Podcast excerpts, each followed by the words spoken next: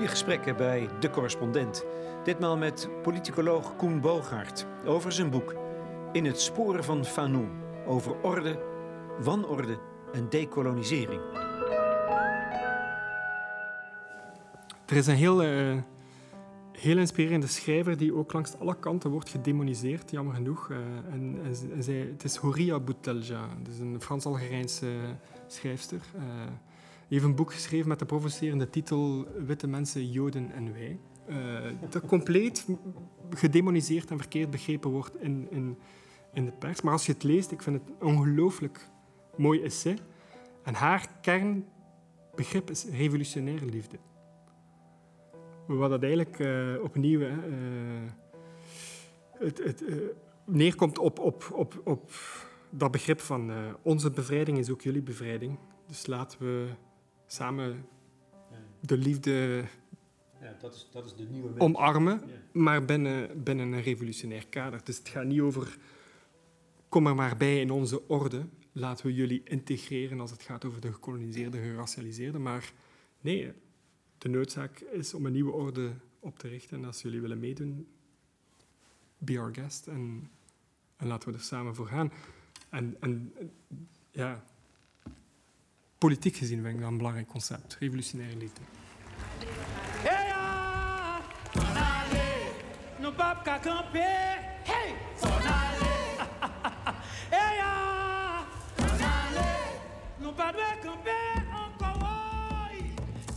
Koen Boogaard is politicoloog en doseert geschiedenis aan de Universiteit van Gent. Zijn voortreffelijke boek In het spoor van Fanon is niet zozeer een portret van deze Algerijnse verzetstrijder en psychiater Frans Fanon. Die stierf jong op 36-jarige leeftijd, maar had als intellectueel een grote invloed op de verzetsbeweging in Algerije en ver daarbuiten. Zijn boek Les Damnés de la Terre de verworpenen van de aarde werd verboden door de Franse kolonisator. En aan de hand van deze iconische figuur schetst Bogaert een bevlogen beeld van de mensen die door de eeuwen heen in verzet zijn gekomen tegen het koloniale project van het zich superieur wanende Westen. Mensen die werden gedreven door een schitterend ideaal, namelijk de droom van radicale inclusiviteit. Liefde dus, liefde als politieke categorie. En dat begon niet in Europa, nee, maar in Haiti, om precies te zijn. Het begon met de Haitiaanse revolutie. Zo herschrijft Bogaert de geschiedenis, die geschreven is door de kolonialen en daarmee racistisch gekleurd is, die gebaseerd is op het kapitalisme met geweld en fascisme in het spoor. Een waardevolle en belangrijke kanteling van het gangbare beeld dus. Ik spreek met Koen Bogaert in het Theater aan het Spui, in aanwezigheid van publiek, dat achteroverleunt in strandstoelen en in opperste concentratie. Het licht gaat uit. Het is pikkendonker. Ik, ik, ik, weet dat er een aantal mensen is dat hier eerder was. die weten dat dit het rituele begin is. We steken een klein beetje licht aan. Dat we niet helemaal aan het duister zijn overgeleverd. Koen, ben jij woke? um, ik, het is niet mijn tuin. Het is een term die door andere mensen wordt gebruikt om uh, bepaalde verhalen die moeten verteld worden of uh, bepaalde mensen die bepaalde verhalen willen vertellen, om die ergens in een containerbegrip te steken en dan weg te plaatsen. Dus het is niet uh, een term die ik vaak zou gebruiken. Die verliet ook zelfs. Oorspronkelijk was het misschien wel een term die ik zou gebruiken, maar het is ondertussen overgenomen door andere mensen en de betekenis ervan is veranderd. Dus daarmee... Uh, woke, wokisme willen we niet meer gebruiken hier? Uh, maar misschien wel in, in, een aantal analyses kunnen we die term nog altijd gebruiken, omdat het wel interessant is wat er gebeurt. Hè. En ik denk dat er ergens uh, altijd een dominant verhaal verteld werd over de geschiedenis, over wie we zijn, over waar we naartoe willen. En dat uh, in vele periodes van de geschiedenis, maar ook vandaag, dat verhaal uitgedaagd wordt. En bepaalde stemmen vinden dat niet leuk, omdat ze niet meer de geschiedenis schrijven, als het ware. En, en, en proberen dan aan de hand van een term zoals woke die tegenstemmen in discrediet te brengen. Dus tot zwijgen te brengen. Tot zwijgen. Hier gaat het over, hè? althans voor een deel, over macht en taal. Ja. Als we, als we verhalen vertellen, oefenen we macht uit met zoveel woorden. Dat is nogal wat. Terwijl ik, ik vind het een van de mooiste dingen die er zijn. Verhalen vertellen. Maar je moet dus zo op je kievieven zijn. Ja, en ik denk dat het ergens ook wel aantoont dat de, de geschiedenis van het vertellen van verhalen nooit gebeurde in een, in een vrije ruimte. Dat er altijd wel belangen waren die probeerden bepaalde verhalen te vertellen en andere verhalen te onderdrukken. Omdat die andere verhalen misschien mensen op andere gedachten zouden brengen. Zoals? Wat denk je dan? aan? Maar ik denk in de eerste plaats aan, de, aan, aan het verhaal van de Haitiaanse revolutie. Ja? En ook uh, aan de impact van de Haitiaanse revolutie, niet alleen in de tijd zelf, maar ook tot op vandaag. Welke erfenis dat die revolutie heeft teweeggebracht. En, en ik denk dat we die impact vandaag nog altijd kunnen zien, maar dat het niet meer gelinkt wordt aan het verhaal van de Haitiaanse revolutie. En dat heeft een reden. En het interessante is dat in de tijd zelf, hè, het moment dat die Haitiaanse revolutie... Hè, rond, einde, rond 1800, hè? Ja, rond 1800 uitbrak en in alle hevigheid de wereld eigenlijk op zijn kop zette, werd er continu over verteld. Ook in Europa, ook in de Verenigde Staten. En maakte het deel uit van, die, van het tijdperk van revoluties, samen met de Franse en de Amerikaanse. En was het een revolutie die niet uit de Europese pers weg te slaan was. En op een bepaald moment is die wel verdwenen. En de vraag is, hoe komt dat? Dat komt toch omdat wij Europeanen ons superieur, superieur willen wanen? Dat is toch het dominante verhaal wat, waar je niet aan mag tornen? Zo gaan we het nooit niet vertellen. Maar ergens uh, willen we wel graag, of wil, wil een bepaalde groep wel aan andere mensen doen geloven dat de maatschappij zoals wij die kennen vandaag ergens ontstaan is aan de hand van een Europese geschiedenis en dat dat het ideale model is om te volgen. En dat is niet waar? Het is in, in verschillende dimensies niet waar. Ik denk, uh, de, de maatschappij zoals we die vandaag kennen, in, met al zijn goede facetten en al zijn slechte facetten, is altijd al een soort van mondiale creatie geweest. Er zijn altijd mensen uit de geschiedenis, uit de gekoloniseerde gebieden, die daaraan bijgedragen hebben. En ergens, niet alleen in het doen, maar ook in het denken. En ik denk dat dat ook wel een van de thema's is van het boek, om, om ergens uh, bepaalde intellectuele tradities bloot te leggen of, of, of ja. te gaan exploreren, om, om te tonen hoe hoe Haitiaanse intellectuelen bijgedragen hebben aan ons idee over vrijheid, democratie, mensenrechten, gelijkheid. Staat de wereld een beetje op zijn kop? Ja, misschien wel. In ons hoofd. Ja, want, dat is, want dat is, als je het hebt over Fanon, dat is een psychiater, um, uh, Frans Fanon, uh, auteur van een boek dat heet Le, Dans de la Terre, dus de veroordeelden van de aarde, de verworpenen de aarde, uh, verboden, dat boek, in Frankrijk. Mm -hmm in 19, het land van de vrije geest, de verlichting. Mhm. Dit moesten ze verbieden. Waarom? Dit is een voorbeeld, vind ik, van het, het doodzwijgen, van steeds tegenstemmen, toch? Ja.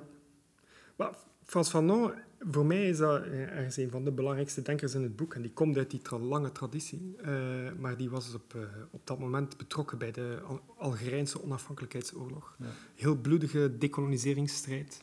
Algerije was geen kolonie. Algerije was een stuk van Frankrijk. Dat was Frans grondgebied. Dus dat was ondenkbaar dat, dat, dat Algerije een onafhankelijk land zou worden. En Fanon is eigenlijk een van de figuren geweest die het revolutionaire denken rond die Algerijnse onafhankelijkheidsoorlog, maar dan later rond die hele decoloniseringsbeweging van de jaren 60 mee heeft vormgegeven en mee heeft geïnspireerd. En voor velen was dat dus een, een vrijheidsdenker en voor anderen een terrorist, ja. En, en dat, is een, dat is een dynamiek die we vandaag ook nog altijd zien uh, en, en, tegenkomen. En dat toont ergens ook wel dat er heel veel belang um, gepaard gaat met, met het vertellen van verhalen. En het verhaal dat Fanon wou vertellen was niet noodzakelijk een verhaal dat heel veel Europese kolon kolonialisten wilden horen. Ja. En, en, en van hem is dus ook de stelling dat wij Kijk, je bent misschien geneigd om te, om te stellen dat de slavernij is voorbij. Uh, nou, de kolonies zijn min of meer teruggegeven op een of andere manier. Dus het is voorbij, dat kolonialisme.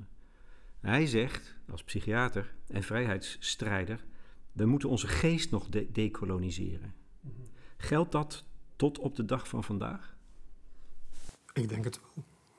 Um, en, en dat bedoel ik daarmee bedoel ik ook gewoon dat we ergens uh, ons heel goed moeten bewust zijn als we vier, vijfhonderd jaar lang koloniale projecten hebben gelegitimeerd. Want ik denk, En dat is ook iets wat ik altijd aan mijn studenten vertel. En het, als we bepaalde mensen tot monsters maken, en we zeggen de kolonialist was een monster uh, die de ander onderdrukte, dan geven we eigenlijk de analyse op. En ik denk dat eerder belangrijk is om, om die mensen als mensen te zien en dan nu de kritische vraag te stellen, hoe komt het dat bepaalde mensen tot onmenselijke dingen in staat waren? En dan moet je echt beginnen nadenken. En dan, dan kom je heel dicht ook bij de manier waarop dat mensen continu, de, ook de kolonialist dus, continu zijn eigen project wil legitimeren en, en een zin wil geven aan zijn eigen leven als kolonialist. Als monster. Als monster. En, en, en ja, zeker in een tijd waar er meer over de mens werd gepraat en de universele mensenrechten. Want dat is eigenlijk ook de discrepantie. Want uiteindelijk, het koloniale hoogtepunt valt samen met uh, het hele discours rond de universele rechten van de mens. Dus in die, in die context moet men ook gaan geloven dat je kan over de mens praten in één context en de andere dus als onmens beschouwen, om die verzoening mogelijk te maken tussen universele rechten en koloniale projecten. En daardoor werd de ander dus ontmenselijkt. Maar Fanon zegt eigenlijk ook dat uh, niet alleen de gekoloniseerde werd ontmenselijkt. Hij zegt eigenlijk dat in het proces waarbij men anderen ontmenselijkte, wordt men zelf een onmens. En dus je ziet eigenlijk een dehumanisering aan beide kanten. En dat heeft hij van zijn leermeester, hmm. Aimé César, die een belangrijke uh, dichter, denker was uit de Caraïben. Uh, en, en, en Fanon is zelf ook uh, geboren in Martinique, net zoals Aimé César. Dus beide komen uit, uit die traditie van Caraïbische filosofie die ergens begint met Haiti. Ja. En dan eigenlijk de hele wereld. En, en maar dat proces, hè, dat duurt tot de dag van vandaag. Ja. Of, of, is het eigenlijk nog niet eens begonnen? Goed begonnen, dat proces van decolonisering van onze geest als hè, Europeanen. Dat bedoel ik even Westerse Europeanen.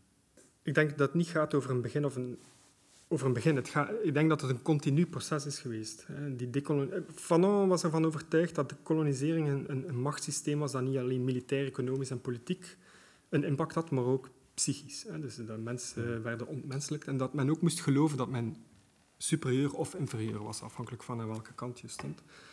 Um, en, en, en doorheen de geschiedenis hebben mensen ook geprobeerd om die, om die psychische onderdrukking te niet te doen. Hè. Dus, dus, dat is ook het verhaal dat ik probeer te vertellen vanuit de Haitiaanse revolutie. Er werd ook een soort van nieuwe mens hmm. uitgevonden, of een nieuw mensbeeld uitgevonden. Dus ook in die tijd, begin 1800, hè, begin 19e eeuw, probeerde men ook die geest te decoloniseren. dat is ook in veel aspecten gelukt. Uh, en dat is een proces dat eigenlijk continu aan de gang is. Omdat het, en dat is ook dat is wel grappig. Jij gaat steeds terug, ja, dus dat, dat gaan we straks ook nog uitgebreid doen, maar ik vraag naar vandaag. Mhm.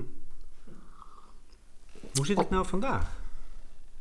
Van, wel, als we...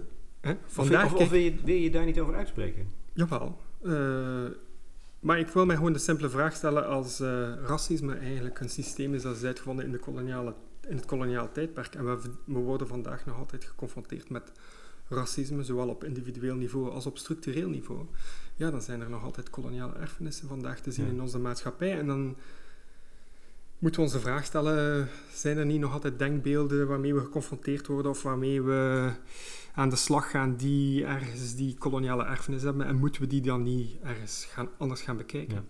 Vroeger sprak men over het beschaven van andere delen van de wereld, vandaag spreekt men over het ontwikkelen, maar is het in C zoveel verschillend? We, wordt nogal, we beschouwen het centrum Europa, en ik wil ook wel niet Europa als een homogeen uh, machtssysteem uh, gaan, gaan uh, weergeven, maar ergens zien we dat we vanuit Europa nog altijd naar de rest van de wereld kijken en, en, zeggen van jullie moeten ons model volgen. Kijk, ik vind het een van de waardevolle inzichten die ik dank nu aan het lezen van je boek In het spoor van Fanon. Ik zal je een bekentenis doen, een kleine bekentenis. Ik heb de afgelopen maanden mij een beetje met bravoer bezighouden met het kapitalisme als systeem. Dat is natuurlijk onzinnig, maar ik heb het toch gedaan. Uh, en nu ben ik weer bezig met boeren. Toen dacht ik, oh, dat gesprek met Koen Boogaard, dat zit ertussen. Dat staat er een beetje los van, maar het is in de theater Spui, is het hoe dan ook gaaf. En toen dacht ik, wat een, ik, wat een, wat een domheid. dat dit hele verhaal van kolonisering, als ik, alsof ik dat los kan zien van kapitalisme bijvoorbeeld. Hmm. Wat jij laat zien is de, de verwevenheid van die twee. En dus wij leven in een kapitalistische tijd en dus in een koloniale tijd. Hmm. Zover durf ik eigenlijk wel te gaan. Hmm. En jij? Ook. Het kapitalisme is een systeem ehm, dat, dat aangespoord wordt door het creëren van ongelijkheid. Omdat die ongelijkheid dan wordt uitgebuit, als het ware, uh, in, in, een, in, een, continue zoektocht naar groei. En ergens is, is dat logisch aan, aan, eh, de, aan het systemische van het kapitalisme zelf. En het interessante aan de, aan de Europese koloniale geschiedenis is dat dat systeem eigenlijk uh, mee mogelijk is gemaakt door die koloniale projecten. En, en vaak als, we, als, als het hele debat wordt gevoerd in, in, in Nederland of in België en het gaat over het koloniale verleden, dan krijg je soms vaak het verwijt van ja, maar ja, waarom praten we altijd over het Europese koloniale verleden? Waarom altijd over die transatlantische slavernij? En waarom niet over de trans-Saharaanse slavernij? Alsof het zou gaan over een wedstrijd tussen welke vorm van slavernij is het meest brutaal. Ik denk dat elke vorm van slavernij onmenselijk en brutaal is. Het interessante aan die, het, het uh, belangrijke eigenlijk aan die transatlantische slavernij is dat het de enige vorm van slavernij is, en het was wel degelijk een nieuwe vorm van slavernij, die zo'n impact heeft gehad op de structuren van onze wereld. En als we vandaag beweren dat we in een mondiale, of een global village leven, een gemondialiseerde wereld, dan, is het, dan hebben we dat in een voor een groot deel te danken eigenlijk aan het schip het slavenschip als een soort van wereldveranderende machine die continenten met elkaar verbond en plantage-economieën mogelijk maakte in de Caraïben en in de rest van de nieuwe wereld, met de bedoeling om letterlijk een nieuwe wereld te creëren. En die nieuwe wereld is, of het, de huidige kapitalistische wereldeconomie is ergens nog een, product van, van dat project eigenlijk. Dat is, een, dat is een politiek project. Niet dat daar, dat zijn 1492 een plan hadden uitgetekend. Met, dat is het einddoel, hè. we gaan naar een gemondialiseerde mm. kapitalistische wereld. Nee, maar in, in, die, in die vele koloniale projecten is uiteindelijk die nieuwe wereld ontstaan. En dat maakt het zo, ook zo belangrijk en, en, en, en noodzakelijk om terug te gaan naar die Europese koloniale geschiedenis, om te begrijpen van waar we komen, waar we staan vandaag en wat ook... Uh, het belang is van, van veel nieuwe stemmen die we vandaag horen in onze, in onze samenleving, in onze maatschappij, die, die ook hun, hun, hun verhaal willen vertellen eigenlijk. Ja, want, ja, want je moet wel snappen wat het kapitalisme tot op de dag van vandaag nog steeds doet natuurlijk. Mhm. Ja, de, de, de rol van de bedrijven nadat de, na de decolonisering, eh, of decolonisatie moet je dan misschien zeggen, het mhm. einde van de, van de koloniën toen zijn de bedrijven gekomen. En die hebben de rol van de kolonisator overgenomen. Maar er is eigenlijk in wijze niks veranderd. Sterker nog. En wij eten ervan. De eerste vorm van kolonisering was een kolonisering door bedrijven. Indonesië is gekoloniseerd geweest door de Verenigde Oost-Indische Compagnie. Het subcontinent Indië is 100 jaar lang gekoloniseerd geweest door de Oost-Indische Compagnie van, van Groot-Brittannië. Dus de Britse Oost-Indische Compagnie, niet door het Koninkrijk Groot-Brittannië. Koninkrijk Groot-Brittannië. Um, en, en doorheen uh, de hele koloniale geschiedenis probeer ik ook aan te tonen dat eigenlijk de, de grensverleggers van het koloniale project, die entiteiten die steeds meer gebieden gingen inpalmen en steeds meer gebieden ook economisch gingen integreren in een wereldhandel, waren bedrijven. Bedrijven die de macht kregen om legers op te bouwen, om hun eigen munten te slaan, om uh, recht te spreken in de gebieden die ze controleerden. Dus het waren de quasi-staten. En dat had ook de eenvoudige uh, oorzaak, het feit dat daar ook het kapitaal zat, om dat te gaan bekostigen. En ook de winst die ze daaruit zouden kunnen extraheren, ging dan ook naar die bedrijven. Dus voor, voor, een, voor een staat was dat een interessante manier om haar eigen invloedssfeer uit te breiden door alles af te schuiven op die bedrijven. In ruil voor belastingsinkomsten. Ja. En de deal was dan eigenlijk dat, dat die bedrijven dan monopolierechten kregen. De Britse Oost-Indische Compagnie had het monopolie over de handel met Azië. De Verenigde Oost-Indische Compagnie ook. Ja, je, je praat erover in de verleden tijd. Ik heb eerder gesproken met Raki Ab mhm. uh, uit West-Papua waar hij nooit geweest is, want hij was al gevlucht uh, voor zijn geboorte. Um, dat is precies het verhaal wat er nu aan, in West-Papua aan de hand is. Mm Tussen Indonesië, Unilever en de inheemse bevolking. Ja. Die daar wordt uitgebuit, uh, van rechten ontdaan. Dus die, die, die, dat is die combine tussen, tussen kapitaal en staat. Mm Die is onveranderd.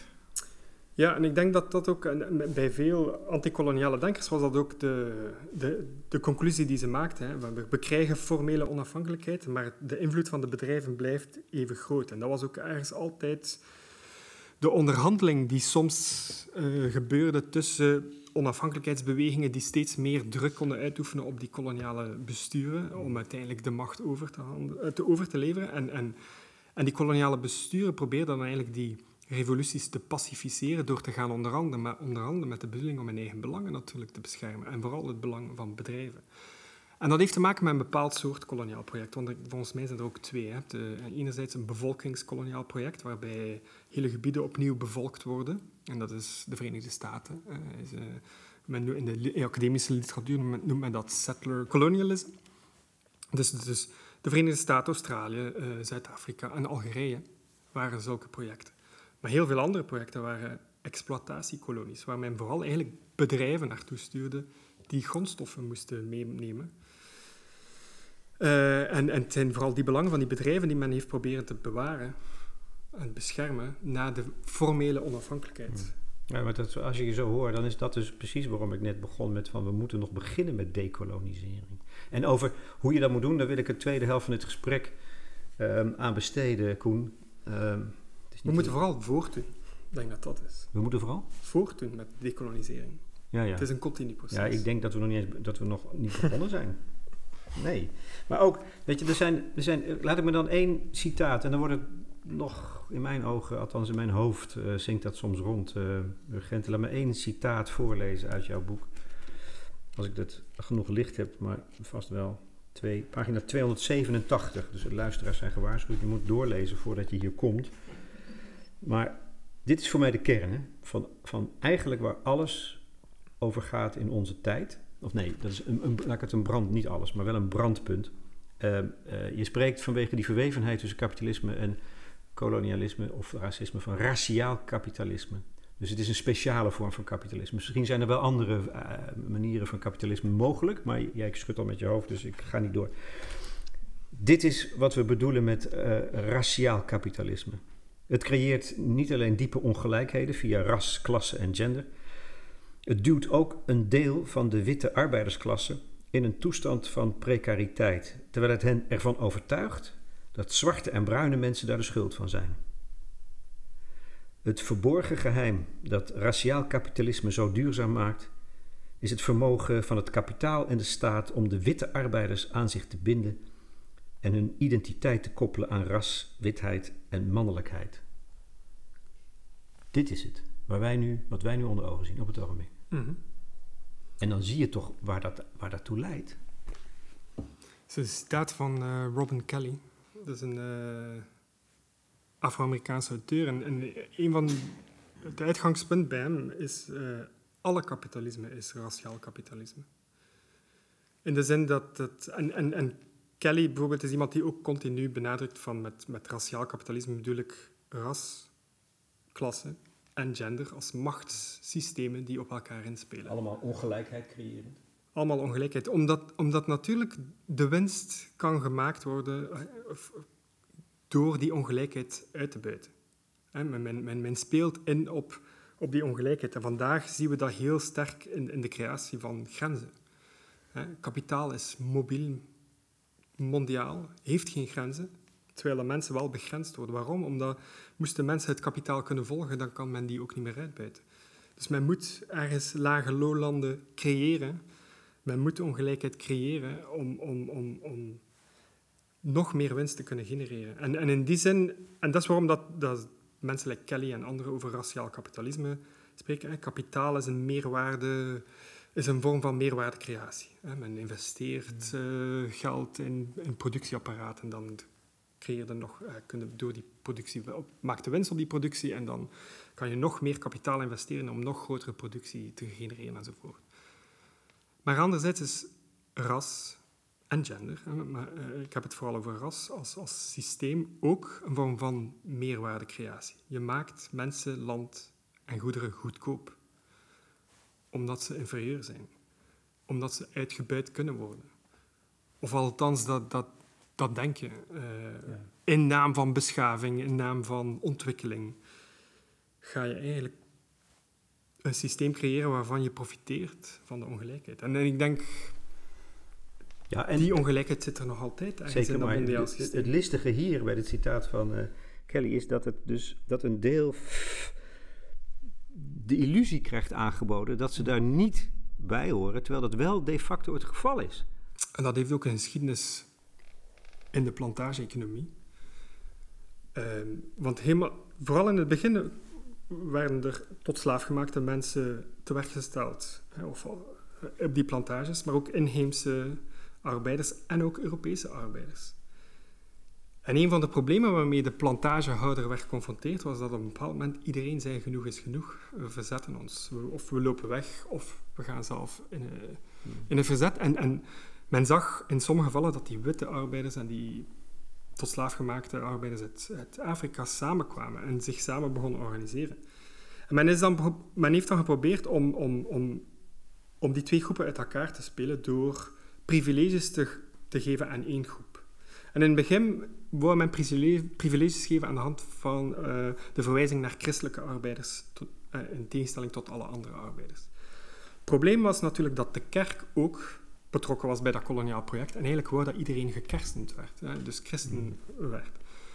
Dus dat privilege verviel als het ware. En in, in die context, hè, schrijft een bepaalde historicus, die ik ook vermeld in het boek, werd witheid uitgevonden. En zie je ook dat in, in de juridische teksten van de plantages men niet meer gaat verwijzen naar christelijke arbeiders, maar naar witte arbeiders. Om ergens die groep te gaan onderscheiden van andere groepen en om ergens die groep loyaal te maken aan die plantagehouders. Want uiteindelijk hebben die enorme tegengestelde belangen, maar als je alle twee gelooft dat je deel uitmaakt van een witte gemeenschap die bedreigd wordt door andere gemeenschappen, is dat heel... En dan, en dan voorkom je alweer dat een deel in verzet komt. Ja. Ehm, maar dan komen we op het verzet komen nog, nog zometeen even terug. Zeg, hoe, hoe komt het nou dat jij het zo helder ziet als witte wetenschapper uit Gent?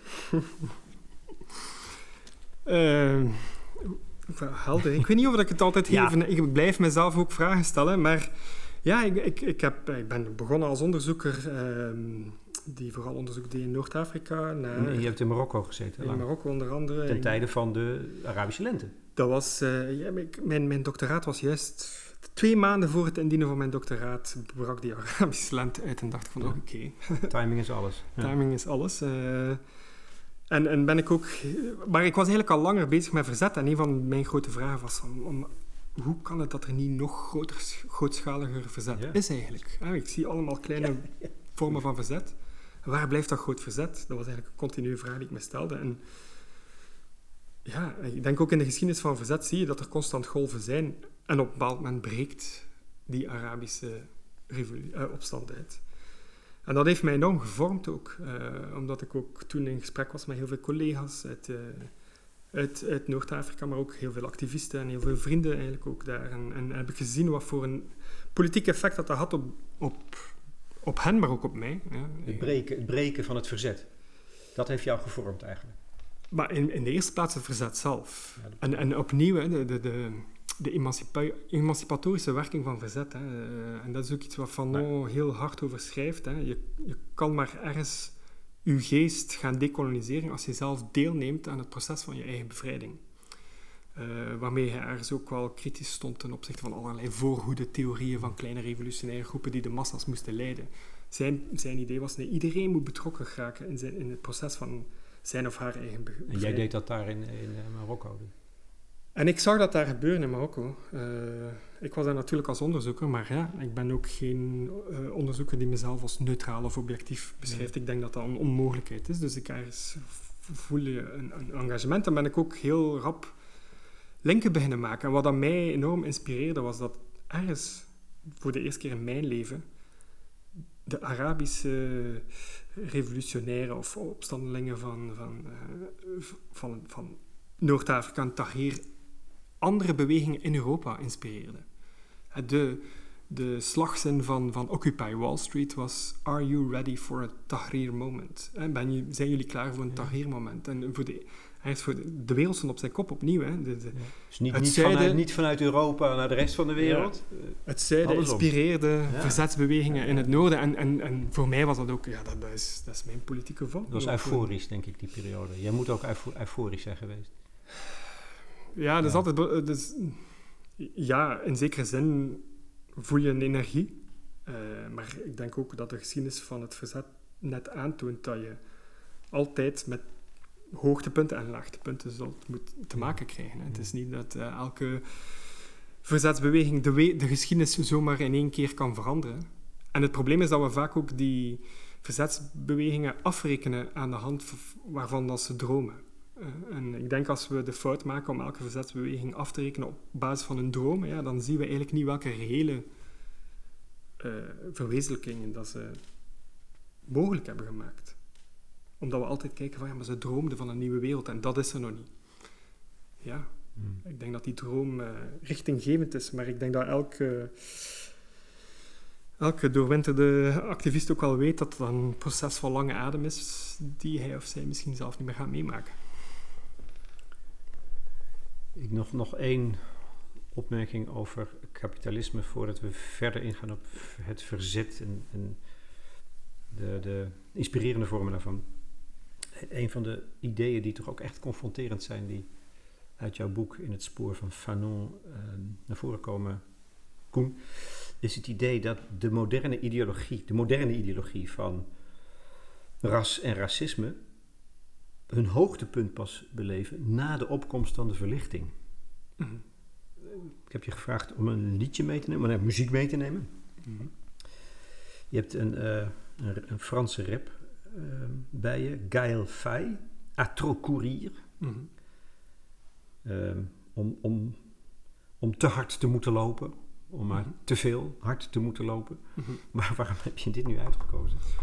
Maar heel kort, het nummer gaat over bepaalde dromen die ergens ook heel beperkt worden door de structuur van de maatschappij waarin dat we vandaag leven. Ja. En wat mij vooral interesseert aan dat soort muziek is dat, één, het is een heel goed nummer, ik vind het een heel goede artiest, maar tezelfde tijd vertelt hij ergens het soort verhalen dat ik wil vertellen, maar op een manier dat ik niet kan. Ik kan boeken schrijven, maar ik kan niet iedereen bereiken met, die, met, met of, boeken. Of emotioneren misschien wel, raken in een hart. Ja, en ik denk... Dat wat je zou willen. Ja, en ik, dat is ook de, de vraag die ik me stel. Hè. Voor wie schrijf ik? En uh, wie wil ik bereiken? En wie inspireert mij? En ik denk dat zo iemand als hem inspireert mij ook. En hij kan denk ik veel meer mensen bereiken dan ik. Maar met gelijkaardige verhalen. Dus ik vind dat wel super interessant als een vorm van kennisproductie ook. Naast de goede muziek natuurlijk. De mauvaises herbes insoumises, les arts les trottoirs. Je ne dors pas, j'ai l'insomnie de ma cité dortoir. Toute ma vie, j'ai rempli mon caddie d'illusions. Moi, je téléphone, je télécommande et je télévision. Silence, on tourne, on vit, on rit, mais ça ressemble à du playback. Mon banquier, c'est James Brown et tous les mois, c'est payback. Des millions d'Andy Warhol s'impatientent sur le quai de la gare pour un quart d'heure de trajet dans le train de la gloire. On veut être star. À l'instar des étoiles, l'intimité s'étale en prime time, se vend sur PayPal. On intronise le médiocre, plus de caviar que du Big Mac. On prépare une pensée fast-food dans les cuisines de l'audimat du pain et des jeux pour calmer les ventres creux, du Xanax dans les meutes, du Prozac pour miséreux. Fermez vos livres s'ils vous apprennent à hésiter. Méfiez-vous, à vouloir vivre, on peut finir par exister. À trop courir après mes rêves, je fais des claquages au cœur. Quand j'y crois plus, je prends la plume pour prendre de la hauteur. À trop courir après mes rêves.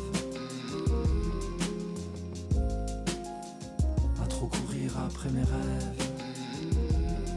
À force des courbes se dessinent sous mon regard somnifère. J'ai voulu décourber les chines, à courir après mes chimères. J'ai envolé mes Laten we het over verzet hebben. Cool. En um, als je eenmaal doorhebt dat wij in het Westen door de manier waarop wij de geschiedenis vertellen al macht uitoefenen, dan is een vorm van verzet het andere verhaal vertellen. En met name denk ik, is dat voor jou van belang, de vormen van verzet die er zijn geweest in de wereld. En die ons eigenlijk ook hebben beïnvloed. Mhm.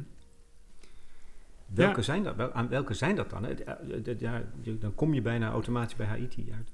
Ja, um, ja ik denk een van de, de, punten die ik wil maken in het boek is ook dat, um, dat bepaalde vormen van verzet altijd een product zijn van de, van, de, van de sociale condities en de posities waarin mensen zich bevinden. Dus eh, verzet in Europa zal er anders uitzien dan als verzet in de, in de gekoloniseerde wereld.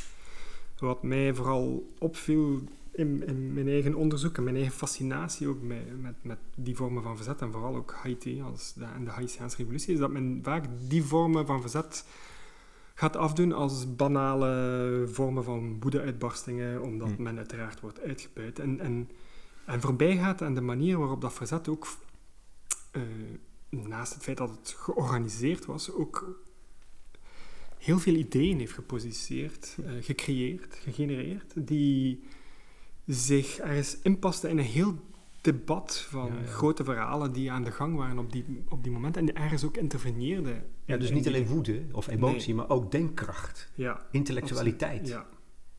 Totaal verzwegen eigenlijk, verdonkere maand. Konden we even niet uh, goed gebruiken. Ja, omdat, omdat het heel makkelijk is om naar Haiti te wijzen en te zeggen, kijk, naar Haiti vandaag, het is allemaal mislukt. Uh, maar als men die, die intellectueel uh, erfenis ook bekijkt, dan zie je net in, op hoeveel manieren dat die Haitiaanse revolutie zeer succesvol was.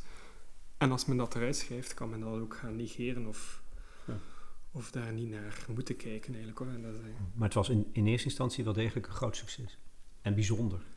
Het was bijzonder, om, en het bijzondere aan, en, en het, het, was de eerste onafhankelijke staat van uh, tot slaafgemaakte mensen of uh, gekoloniseerde mensen in de, in de moderne Atlantische wereld. Hè. Dus uh, in die zin was het bijzonder. Het heeft uh, enorm veel andere vormen van verzet uh, beïnvloed, uh, tot ver na de Haitiaanse revolutie. zeker in die Atlantische wereld hè, kwam het telkens terug en werd er continu ook verwezen naar bepaalde figuren uit die Haitiaanse revolutie en naar bepaalde momenten uit die Haitiaanse revolutie. Een heel belangrijke Amerikaanse abolitionist, Frederick Douglass, die zelf ook veel, lang in slavernij heeft geleefd, die die sprak vol lof over alle abolitionisten in de strijd tegen slavernij, maar hij zei de belangrijkste, het belangrijkste moment en de belangrijkste beweging was de Haitiaanse revolutie. Zij heeft meer gedaan voor die strijd tegen slavernij dan wie dan ook. Wie anders ook. En, en, en dan, dat, dat vind ik zo belangrijk om te benadrukken, ook met dit boek, hè, is dat eh, op het moment dat die Haitiaanse revolutie plaatsvond, stond heel Europa in rep en roer en werd er continu ook bericht over die Haitiaanse revolutie. Teksten die mm. door Haitiaanse revolutionairen werden geschreven of gepubliceerd, die werden dan uh, in Europa gepubliceerd, uh, vaak in het Frans en dan naar het Engels vertaald, naar het Nederlands vertaald, uh, naar, het, uh, naar andere talen vertaald. dat is belangrijk, omdat het dus niet zo is, nogmaals, dat het wij verlichte Europeanen zijn, hè, die de, met, met, de Franse revolutie bezig waren, die onze ideeën geëxporteerd hebben naar de andere delen van de wereld en die hebben dat opgepikt. Het is eerder andersom in dit geval. Het is beide. Dat is, de, dat is het interessante. Het is uiteraard, hè, heel veel Haitiaanse revolutionairen waren beïnvloed door verlichte denkers uit Europa, maar ook door een intellectuele traditie uit Afrika en door inheemse invloeden. Dus zij hebben eigenlijk drie invloeden, intellectuele invloeden samengebracht in één revolutionair moment. En daar zijn dan opnieuw nieuwe ideeën uit ontstaan, hmm. die op hun beurt Europese denkers hebben beïnvloed. En die Europese denkers op, op, op het moment zelf waren zij zich daar ook wel van bewust en staken zij daar niet onder stoelen of banken. Maar het is pas later, als men die geschiedenis van de ideeën is beginnen herschrijven of beginnen schrijven, verdwijnen al die andere invloeden uit die geschiedenis. En kunnen we de indruk wekken dat het een westerse Europese geschiedenis is. Maar in realiteit is het altijd een mondiale geschiedenis geweest, waarin dat de Europese invloed niet noodzakelijk wil teniet doen. Ik wil die ook herkennen. Maar ik wil met dit boek vooral focussen op die andere invloeden. En kijken hoe zij ergens in, in, een dialoog, maar ook in een strijd, nieuwe ideeën gepusht hebben. De Franse revolutie heeft nooit de slavernij afgeschaft. Uh, het is de... Uh, of, ik zal het anders zijn, de, de, de eerste Franse grondwet maakte, schafte de slavernij niet af. Op een bepaald moment in de Franse revolutie is de slavernij even afgeschaft geweest, maar dat was onder druk van die Haitiaanse revolutie. De Haitiaanse grondwet was de eerste grondwet die slavernij officieel verbood en discriminatie op basis van kleur en ras verbood de eerste grondwet waarin alle mensen gelijk waren. Ja. De eerste grondwet die een aantal ideeën naar voren bracht die wij vandaag evident vinden. En ik denk dat we dat wel mogen herkennen, dat de Haitianen daar een belangrijke rol in gespeeld hebben. Waarom, waarom gebeurde het op Haiti? ja, wat vraag je dan af? Want er zijn dus hè, overal verzet, vormen van verzet geweest. Mhm. De Marron bijvoorbeeld. Ja. Hè, de, de, mensen die vluchten uit uh, slavernij. Mhm. hebben gemeenschappen gesticht met wonderbaarlijk mooie voorbeelden van Mhm. beschaving trouwens, haal je ook aan. Ja. Al, allerlei vormen. Waar- waarom was die eh, Haitiaanse revolutie zo succesvol eigenlijk? Zijn daar verklaringen voor? Ja, ik denk dat het eerst en vooral belangrijk is om te benadrukken dat er overal verzet was. Eh, en dat Haiti ergens de eerste en misschien ook wel de enigste eh, eh, vorm van verzet was die echt tot een wereldrevolutie heeft geleid. Eh, maar daarna ook andere vormen van verzet terug opnieuw heeft geïnspireerd. Waarom? Haiti, Haiti was voordien Saint-Domingue. Saint-Domingue was een Franse kolonie. Een klein eiland, of, of, of onderdeel van een eiland in de, in de Caribische wereld, maar veruit de rijkste kolonie in, in de nieuwe wereld. Eh, haar, Hmm. haar productie-output was groter dan die van de dertien onafhankelijke staten na de Amerikaanse eh, revolutie. Dus eh, het kleine eiland Haiti daar telde 8000 plantages. eh 30% eh, van de wereldhandel in suiker kwam van Saint-Domingue. Vijf- 50% van de wereldhandel in koffie kwam van dat kleine eiland.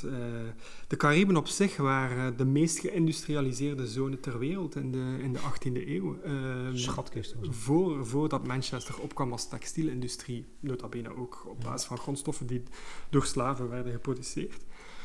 Dus, dus op, het moment dat de Haitiaanse revolutie uitbreekt, was, was Saint-Domingue en, en de Cariben in het algemeen een van de economische centra. En, en er leefden een half miljoen tot slaafgemaakte mensen op dat eiland, die in, zeer gewelddadige omstandigheden moesten werken. Dus ergens is het ook wel logisch dat het daar uitbreekt. Eh, Gewelddadige, zei je. Ik verstond.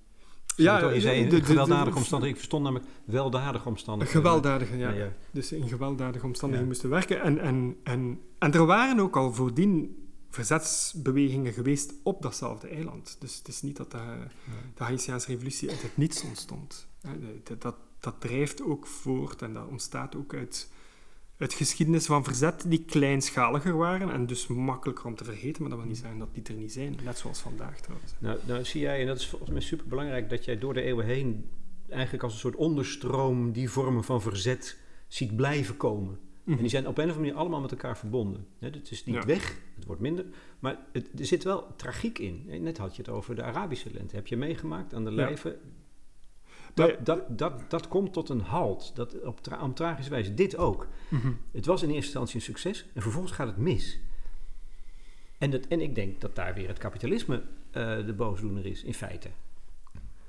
Ja, en, en ik denk of dat we... economische eh, drijfveren, laten we het zo zeggen. Ja, ja, ik Beter. denk dat we niet te fout mogen maken om kapitalisme tot een persoon te gaan. Ja, maar daar hou ik wel van. Oké. Ik wil, wel, een- ik wil wel een boosdoener ook hier. Ja, nee, maar nee, maar dat is het denk ik ook opnieuw, hè, met, met de ervaring die ik zelf heb gehad uit die Arabische eh, Ja. opstanden. Werd er al heel, hè, in het begin sprak men van een Arabische lente en dan heel snel van een Arabische winter. En wat mij vooral opviel is dat in de context van het verdwijnen van die grote momenten, waarin iedereen op straat komt, bleef er wel continu verzet ontstaan in de marges van de samenleving. En iedereen kijkt natuurlijk naar de stadspleinen van Cairo en van eh, Tunis of Rabat in Marokko en ziet daar mensen terug verdwijnen. Maar wat ik dan vaststelde is dat ergens in de kleinere dorpen, in, in, in, in, in, in, in stadswijken die eh, in de periferie lagen, dat het verzet bleef gaan. Eh, en natuurlijk, ja, je hebt ook maar zoveel energie om een, een aantal maanden een, een massabeweging op gang te houden. En je wordt dan ook geconfronteerd met zware repressie in het geval van de Arabische opstanden of in het geval van Haiti. En dan, eh, of in het geval van heel veel verzetsbewegingen in de Caribische wereld. En dan moet je op een bepaald moment terug uit elkaar gaan en, en op, op andere niveaus blijven voortdoen. En ik, ik denk dat het wel interessant is om, om net die kleine bewegingen mee te betrekken in een, in een soort van historisch proces van verzet dat aan de gang is. Ja. En dan zie je continuïteit in plaats van mislukking. Ja, Eh, dat is een heel belangrijke vaststelling. Ja. natuurlijk. Wat dat niet wil zeggen dat er niet ongelooflijk veel menselijke kost gepaard gaat met in verzet Ja. gaan. En wij, wij in, in Europa hebben het voorrecht om af en toe op straat te lopen en, en allerlei slogans te zingen en dan daarna terug naar huis te gaan en op café te gaan. In, in heel veel delen van de wereld riskeer je je leven. Dus ik denk dat dat ook wel iets is dat we Ja. moeten in rekenschap brengen. Eh, en, en net daarom vind ik het zo inspirerend ook. Eh, ik, ik heb zelf ook lang gewerkt rond een bezetting in Marokko waarbij jonge mensen en, een dorpgemeenschap een zilvermijn wou uh, saboteren door de watertoevoer af te snijden. En die mensen hebben acht jaar lang op een berg gezeten om die, die pijpleiding te, te beschermen en te bewaken. En hebben acht jaar lang van hun leven opgeofferd. En de realisering, of de, de conclusie die ik mij maakte als ik pessimistisch word, door, door mijn eigen analyse, ja, wat moeten zij dan denken? En toch zag ik in hun ogen heel veel strijdvaardigheid. En dan die strijd tussen pessimisme en optimisme, hoop en desillusie. En ik denk dat dat een realiteit is waar daar heel veel activisten mee te maken hebben. Ehm, en dat is ook iets wat mij drijft. Maar voor mij wordt het dan ook belangrijk om, om verhalen te vertellen. Omdat ik ook wel herinner op het moment, hè, die, die, om terug te gaan naar die bezetting in Imider in Marokko, uh, het zuiden van Marokko. Na acht jaar hebben zij hun kamp verlaten. En de ochtend daarna werd dat kamp met grond geleid gemaakt door de overheid. En later kwam ik dan een van de activisten terug tegen en hij zei van ja, we moesten naar beneden, we moesten het kamp verlaten, we konden het mentaal niet meer aan. Maar van één ding heb ik spijt en dat is dat we het kamp niet beschermd hebben en toch geprobeerd hebben dat te bewaren als plaats van herinnering. En dat is wat dat mij enorm frappeerde en ook wel emotioneerde, is dat, dat hij heel veel belang hechte aan het creëren van een soort van archief. Ja. Om hun ook al beseffen ze van die strijd, ja, die, die heeft in het, in het nu niets gerealiseerd geweest, maar kan wel als inspiratie dienen voor de strijd die nog gaat komen. En het besef van continuïteit. Dus. Ja. Nog e-, even één ding uh, voordat eh, ik het woord hoop laat vallen, of terug laat komen, want jij hebt het laten vallen. Uh, als het gaat om hoe dat werkt, hè, dat, dat de overgang van kolonialisme naar kapitalisme. Um, Haiti is vanaf het begin af aan gewoon een soort bankschroef om de nek gelegd, omdat ze uh, de, de, de, rijke Westelingen een schuld moesten afbetalen, mm zogenaamd, voor die plantages. Hè, die waren onteigend, zou je kunnen zeggen. Of nee, niet, ze waren niet onteigend, maar de, de tot slaafgemaakten waren vrijgesteld. Dat, dat moest gecompenseerd worden. Dat is een gigantische, onmogelijke schuld geworden. Mm Dus, en dat is volgens mij een mechanisme wat je steeds in de geschiedenis ook terugkent. Het, is om, het wordt onmogelijk gemaakt vanuit een economisch belang om überhaupt uh, je te ontwikkelen. Ja. Maar, Als kolonie, dan bedoel ik even. Om de, voormalige kolonie. Om de analogie naar vandaag te trekken, ja, heel veel bewegingen ijveren ook voor de afschaffing van de schuld van heel veel landen uit het zuiden, omdat die schuld zo verlammend werkt en zo economisch inefficiënt is voor, voor de verdere ontwikkeling van, van, van die landen. Um, in het geval van Haiti is het uh, interessant ook om daar bij stil te staan. En enerzijds, hè, uh, Haiti wordt onafhankelijk, maar wordt niet erkend als onafhankelijk land natuurlijk door de grote empires, hè, de koloniale empires, Groot-Brittannië, Frankrijk, Spanje op dat moment uh, in de nieuwe wereld, hè, of de, wat zij als, althans de nieuwe wereld noemde. En, en, en ja, dan probeer je als onafhankelijk land te manoeuvreren in die, in die in die context, hè, en, en, je wordt ook geconfronteerd met het uh, dilemma van ja, we moeten ontwikkelen. Uh, hoe gaan we ontwikkelen? Uh, hoe gaan we onszelf economisch rendabel maken om, om als onafhankelijk land te kunnen overleven? En op een bepaald moment werd ook de, de de zee rond Haiti geblokkeerd door, die grote, door de Franse vloot. Hè. En, en, de Fransen zeiden van ja, we zullen het land herkennen in ruil voor uh, een, een, een, herstelbetaling eigenlijk. En daar komt het op neer, reparations. Godspees dat eigenlijk. Ja. Dus uh, hij heeft, heeft het land... Uh, de, de, originele deal was 150 miljoen frank. later is dat teruggebracht naar 90 miljoen frank kan men nu niet echt direct voor de geest halen hoeveel dat is in, in miljoenen euro's. Maar dat was een enorme som die eigenlijk tot in de 20e eeuw nog werd afbetaald tot in 1947. Maar het is ook wel belangrijk om erop te wijzen dat heel veel mensen ervan overtuigd waren in Haiti dat Frankrijk nooit meer kon binnenvallen. Ze hadden ook een enorm fort gebouwd en allerlei vestingen gebouwd om ervoor te zorgen dat de Fransen nooit meer het eiland zouden binnenvallen. Maar het is de Haitiaanse leiding die toen heeft beslist om die herstelbetaling effectief te betalen. Waarom? Omdat dat voor hen natuurlijk ook een voordeel met zich meebracht, omdat dan al hun eigendom, zij hadden ondertussen al die plantages al genationaliseerd, zou erkend worden ook als hun eigendom.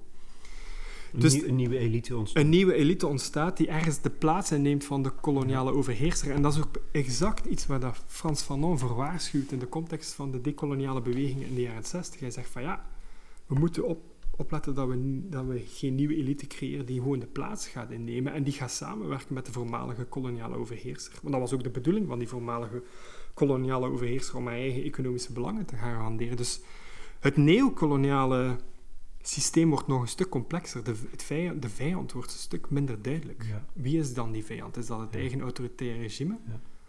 Of, of is dat dan die buitenlandse bedrijven, de multinationals? Nou ja, dan krijg je dus hetzelfde als wat ik net uit dat citaat van Kelly haalde. Dat je mhm. groepen tegen elkaar worden uitgespeeld. Absoluut, En uh, tel uit je winst. Er is hoop. Ja. Er is ruimte voor hoop.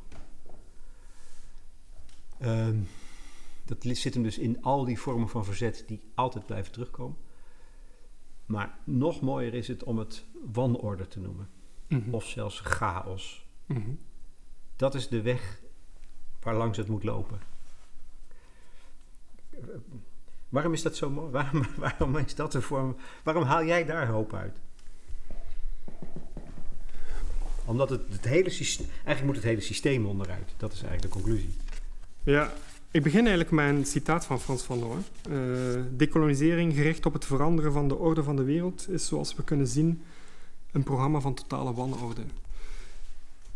En ik denk dat ik ook ergens in het boek benadruk van als ik mijn inleiding zou beginnen met de sociale bewegingen die dan zogezegd die wanorde creëren, dan, dan laat ik het uitschijnen alsof dat die sociale bewegingen verantwoordelijk zijn voor die wanorde.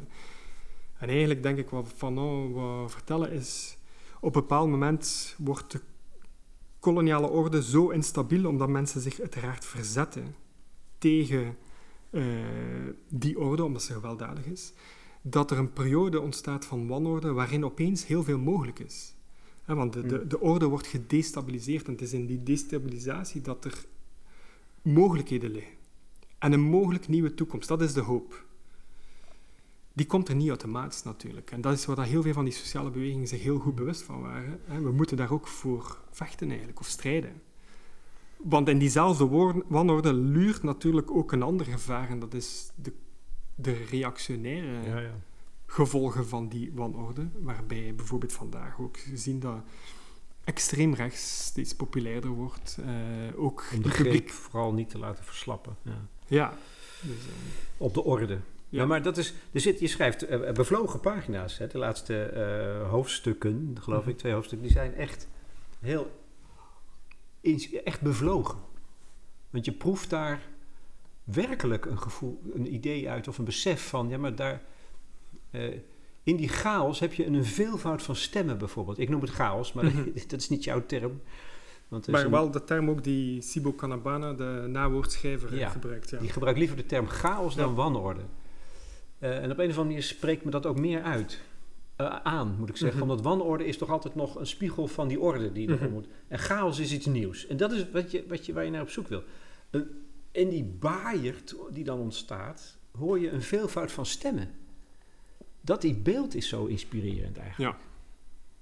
En ik denk dat er ook een, een soort van noodzaak is om andere stemmen te horen. En, en, en, en ter, eigenlijk kan je het ook zien en opnieuw, hè, de, de, de, bedoeling is niet om het te gaan romantiseren. Hè. Het gaat ook gepaard met heel veel ellende. En ergens vertrekt het vanuit een crisissituatie. Hè. Dat mogen we niet vergeten. Maar uh, die crisissituatie genereert ook allerlei nieuwe ideeën. Uh, nieuwe stemmen die, die proberen een andere richting te geven aan, aan het vraagstuk waar gaan we naartoe, wat moeten we doen. Ja. Uh, maar niet weten, gewoon niet weten, zoeken. En, ja. Maar, maar het, een van de Waarom vind jij de term wanorde trouwens fijner dan chaos? Waarom prefereer je die in het, in het spoor van Fanon, zou je kunnen ja. In, ja, het komt uit de, de quote van, van onszelf, ja, ja. het citaat van... Maar wanorde... Er zit nog altijd die link met orde. Ja. En ik denk dat, dat, dat dat ergens ook de strijd is. Hè? Dus de, op, in, een, in, een, in een moment van wanorde zal de macht, als we het dan zo noemen, de, de, de kolonialist, ik, ik, gebruik die term ook, of, of uh, degene die belang heeft bij het verdedigen van de orde, nog altijd proberen om terug te gaan naar diezelfde orde. Hmm. Dus ergens zit nog altijd die, die strijd vervlogen en is er altijd het risico dat we teruggaan naar dezelfde orde, ook al zal die orde dan ergens heruitgevonden zijn. Ja, ja. ja daarom, daarom zou ik zeggen, begin maar met de chaos. Want, nee, maar, ja, precies. Want, want het is, ook dat is een spel gespeeld hè, eh, door de eeuwen heen. Dat je mensen als het ware de gunst verleent om toe te treden tot de orde. Dan krijgen ze ook rechten. Maar die orde op zichzelf is gewelddadig. Mhm.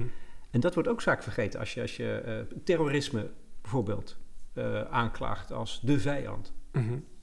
Dan zien wij alleen maar over het hoofd dat de orde die wij zo graag willen verdedigen, in wezen net zo of misschien wel veel gewelddadiger is. Dat ligt denk- toch ook aan de, eh, te grondslag aan jouw Ja. gedachtegang. En ik denk ook, en dat is ook de reden waarom, waarom ik ook mij heel bewust ben in het boek van mijn eigen positie. Ik denk, eh, een van de problemen met de huidige orde is dat voor heel veel mensen het geweld niet zichtbaar is. Omdat het Ja. ook niet hen raakt. Eh, Nee, het is ver weg. Nou, half ver weg. en als we de stemmen... het is de grenzen van Europa, hè? dat is het heel zichtbaar. Ja, ja, ja, tuurlijk. Maar nog worden heel veel mensen niet mee geconfronteerd. En, en heel veel mensen die aan bod komen in, de publieke, in het publieke de- debat, gaan daar ook aan voorbij. En daarmee is er ook zo'n eh, een noodzaak om nieuwe stemmen te hebben die net het geweld kunnen tonen, of daarover Hmm. kunnen vertellen, eh, dat ook kunnen aanklagen. Maar ergens zie je ook dat in, in eh, een van de... Het is moeilijk om het een voordeel te noemen natuurlijk, maar een van de gevolgen van verzet is dat het net het geweld van de orde toont. Omdat op dat moment, Mm, precies. op het moment dat de orde destabiliseert, moet de orde teruggrijpen naar geweld om dat verzet onder controle te krijgen.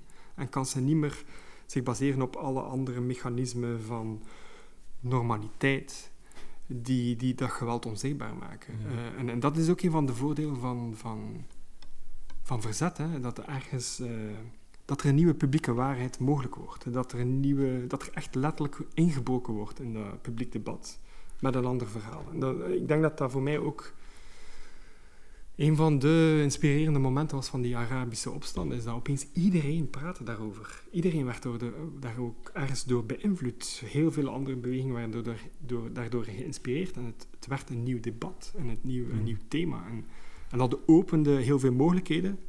Maar opnieuw, ja, dat opent dus een, een, een Ook geweldig. Je, hoop.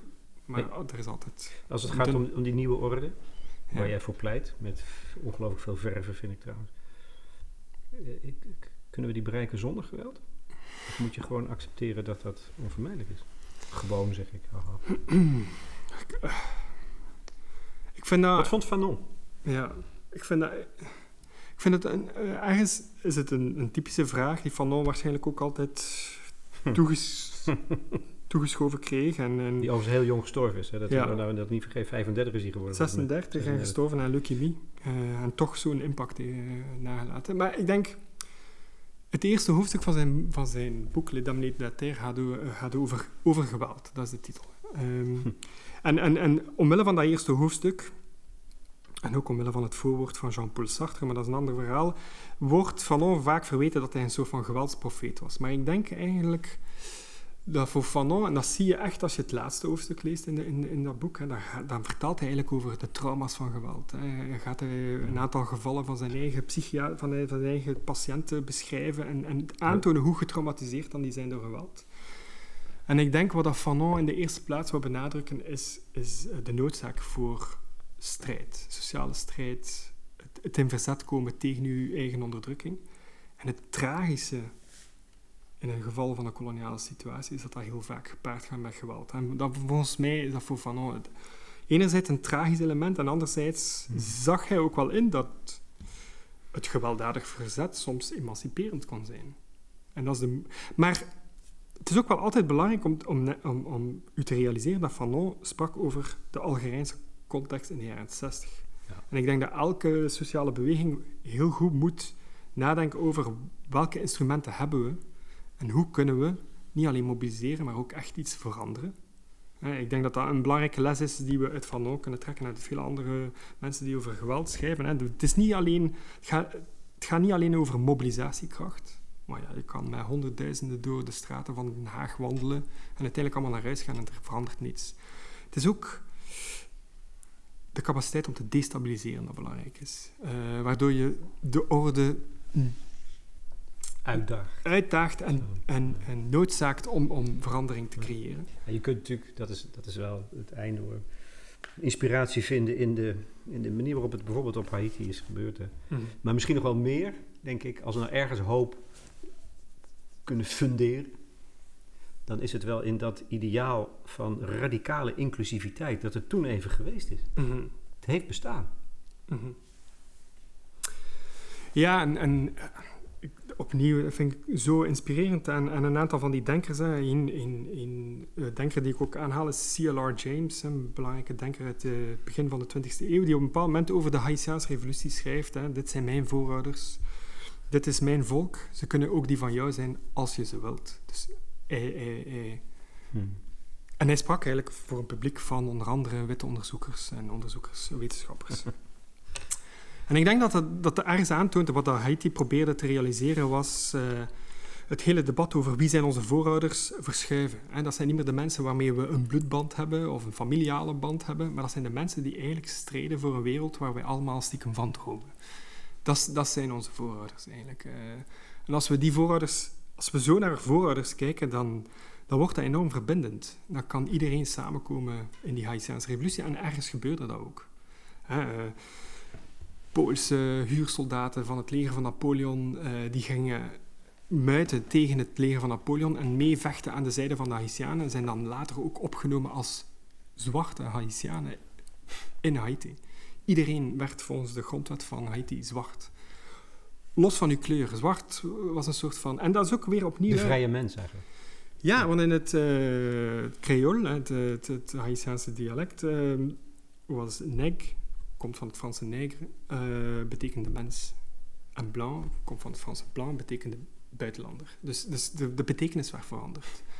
En je ziet daar een hele geschiedenis van wat men ook wel in de literatuur noemt political blackness, dus politieke zwartheid, waarbij het niet meer gaat over kleur, maar het gaat over bepaalde systemen waarin de racialisering natuurlijk een belangrijke rol speelt, en hoe je je verhoudt ten opzichte van die systemen en met wie je allianties sluit en met wie je samen strijdt voor een nieuwe wereld eigenlijk. Hè. En, en daarin zie je dat bijvoorbeeld in de context van Haiti ook die witte en Duitse, witte Poolse en Duitse huursoldaten mee konden opgenomen worden in de gemeenschap van zwarte mensen.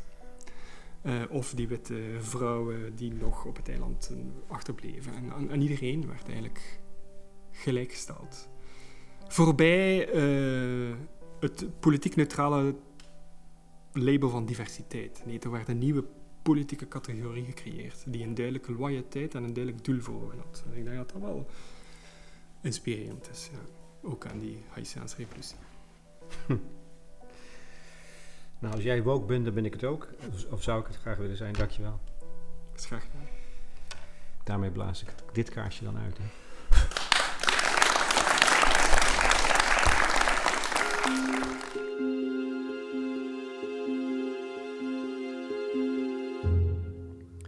Koen Boogaard in gesprek met Lex Bolmeijer voor de correspondent over zijn boek In het spoor van Fanon.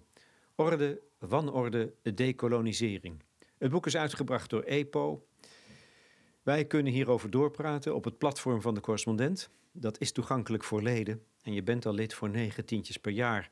Daar krijg je dan een jaar lang kwaliteitsjournalistiek voor voorbij de waan van de dag. Belangrijke vraag. Wat vinden jullie van deze stelling?